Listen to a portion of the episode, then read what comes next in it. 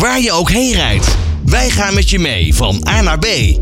Traffic Radio, always on the road.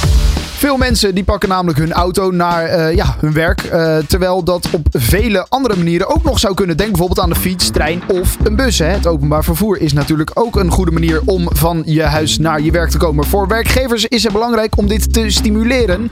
Maar hoe moeten zij dat eigenlijk gaan doen? Nou, uh, en hoe kan je dan ook je werk, als werkgever zijn die je werknemers stimuleren? Dat ga ik bespreken met Hugo Houpermans van de coalitie Anders Reizen. Hugo, welkom. Hallo, goeiedag. Fijn ja. om te zijn. Ja, uh, goedemiddag inderdaad. Uh, anders reizen, het moet dus anders en het liefst tussen woon- en werkverkeer. Hoeveel mensen daarvan reizen nou met hun auto?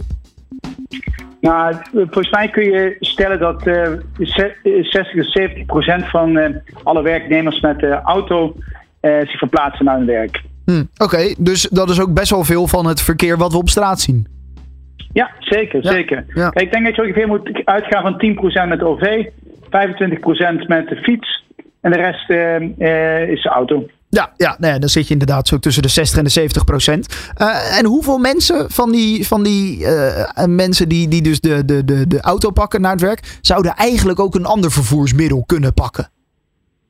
Nou, die, uh, dat verschilt gewoon per bedrijf. Want uh, we kunnen praten over macro-economische cijfers, maar eigenlijk verschilt het gewoon per bedrijf. Zit je locatie, zijn er alternatieven beschikbaar voor je? Dus is bij gevestigd op een locatie naast het station, dan heb je een andere bereikbaarheid dan als je eigenlijk op een industrieterrein uh, gevestigd bent. Ja. Dus het is altijd belangrijk als bedrijf om te beginnen om in kaart te brengen hoeveel mensen wonen in een straal van 15 kilometer om hun werk heen. Wat zijn de alternatieven die mensen, die medewerkers kunnen nemen?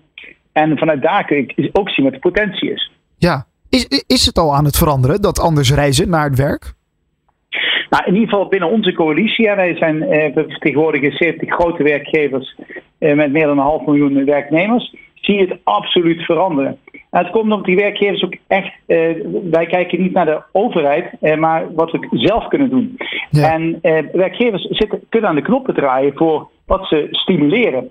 En ehm, nou, aan een aantal knoppen kun je draaien. Dat heeft uh, zeker effect.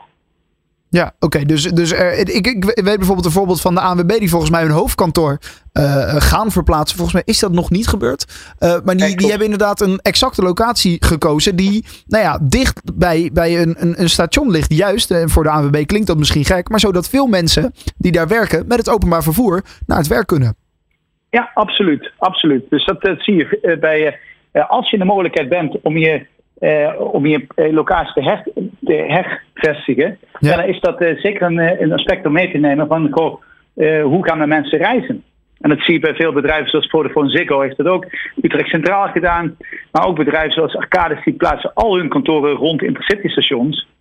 Um, en daarmee stel je mensen ook in de gelegenheid, je medewerkers, om op een andere manier te reizen. Ja, Exact, dus je moet het ook aantrekkelijk maken. Hè? Dat de reistijd niet uh, nou ja, verdubbelt misschien wel. Want als nee, jij precies. van het station een bus moet pakken en dan nog het laatste 10 minuten moet lopen. Ja, dat, dat wil je niet. Dus je moet het makkelijk maken. De locatie waar het kantoor zit. Maar daarnaast, ja, financieel is dat. Ja, we kennen natuurlijk de kilometervergoeding. Maar daar zal dan natuurlijk ook wel een trucje, een trucje voor zijn als je dat wil toepassen op OV of op de fiets. Nou, op zich, kijk, als je daar fiscaal naar kijkt, is het. De fiets is, uh, of in ieder geval het OV kun je belastingvrij vergoeden. En uh, de fiets, die kun je ook gewoon een reiskostenvergoeding geven. Maar het gaat met name over dat heel veel werkgevers gewoon niet mee bezig zijn. En ja. je ziet dat men, de medewerker van de, toekomst, de medewerker van de toekomst vraagt gewoon andere mobiliteitsarrangementen. Die vraagt gewoon veel meer flexibiliteit.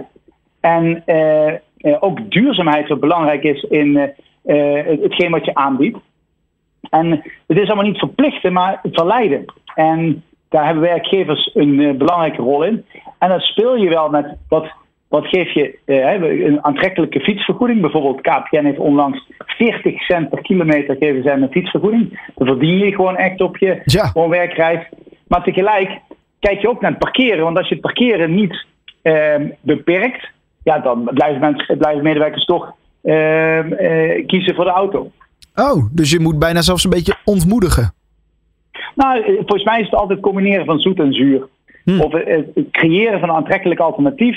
Um, eh, want je wil, um, uh, je wil aantrekkelijk werkgever zijn. En uh, medewerkers verwachten het ook van een werkgever. Ja, ja. merk je dat, uh, dat, dat zoiets in een jongere generatie meer speelt? Of is het meer bij de grote bedrijven? Waar merk je dat die omslag al gemaakt is? Nou, ik merk in ieder geval bij onze leden. Uh, wij hebben een koploperbeleid. Uh, dat staat ook op onze site. Staat, het zijn de maatregelen die het meest effectief zijn om in het kader van duurzaamheid, de CO2-besparing. En ehm, dat voeren de bedrijven bij ons hebben, dat, dat in meer of mindere mate doorgevoerd. Je ziet gewoon in de samenleving, bij, in het algemeen bij bedrijven, dat uit alle enquêtes blijkt dat zeg maar jongeren andere vervoersbehoeftes hebben of andere wensen stellen, eisen stellen aan werkgevers aan een, uh, aan een mobiliteitsbeleid. Dus daar waar het tien jaar geleden nooit over werd gesproken, zie je dat het steeds meer een onderwerp wordt. Hm. Ja, oké. En voor jullie is de drijfveer dus ook wel echt die, die CO2-reductie? Ja, absoluut. Kijk, en er komen andere aspecten bij. Hè, want voor bedrijven is het belangrijk.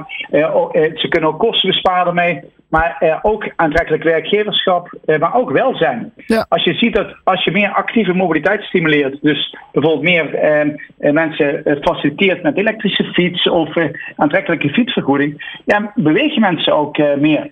En dat is ehm, heel veel. we bewegen in Nederland echt te weinig. En, uh, daar, ja, en hoe makkelijk is het als je toch uh, dadelijk van je werk gaat om dat stukje mee te nemen? Ja, en dan, dan maar gelijk inderdaad een beetje de, de fitheid uh, omhoog te krikken bij je personeel. Ja. waar kunnen werknemers of werkgevers meer informatie vinden over hoe ze nou ja, nou ja, een, een anders reizen nou ja, pakket kunnen, kunnen gaan, gaan, gaan starten, zeg maar? Nou, bedrijven kunnen altijd uh, deelnemen aan onze coalitie. Uh, dat kan op www.andersreizen.nu. Ja, dat is ook nu. dat kan morgen. Ja. En, um, en, op onze site zijn ook uh, heel veel voorbeeldcases, inspiratie van grote bedrijven. Ook learnings van wat wel en niet lukt. En, um, en daar kunnen bedrijven inspiratie uit ophalen. Oké, okay, uh, andersreizen.nu dus. Uh, Hugo Houpermans van Andersreizen, uh, dankjewel voor je tijd en een fijne dag vandaag. Hè. 24 uur per dag de meest actuele verkeersinformatie. De beste car classics voor onderweg en de lekkerste is van nu. Traffic Radio.